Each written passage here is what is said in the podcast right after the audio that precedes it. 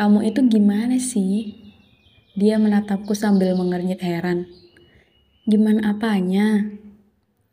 Ya, kamu kok bisa ngajak aku jalan? Kalau ternyata kamu udah punya orang lain. Kamu udah punya pacar. Lucu banget sih.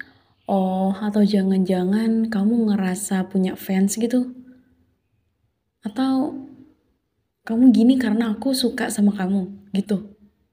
Gak lucu tau.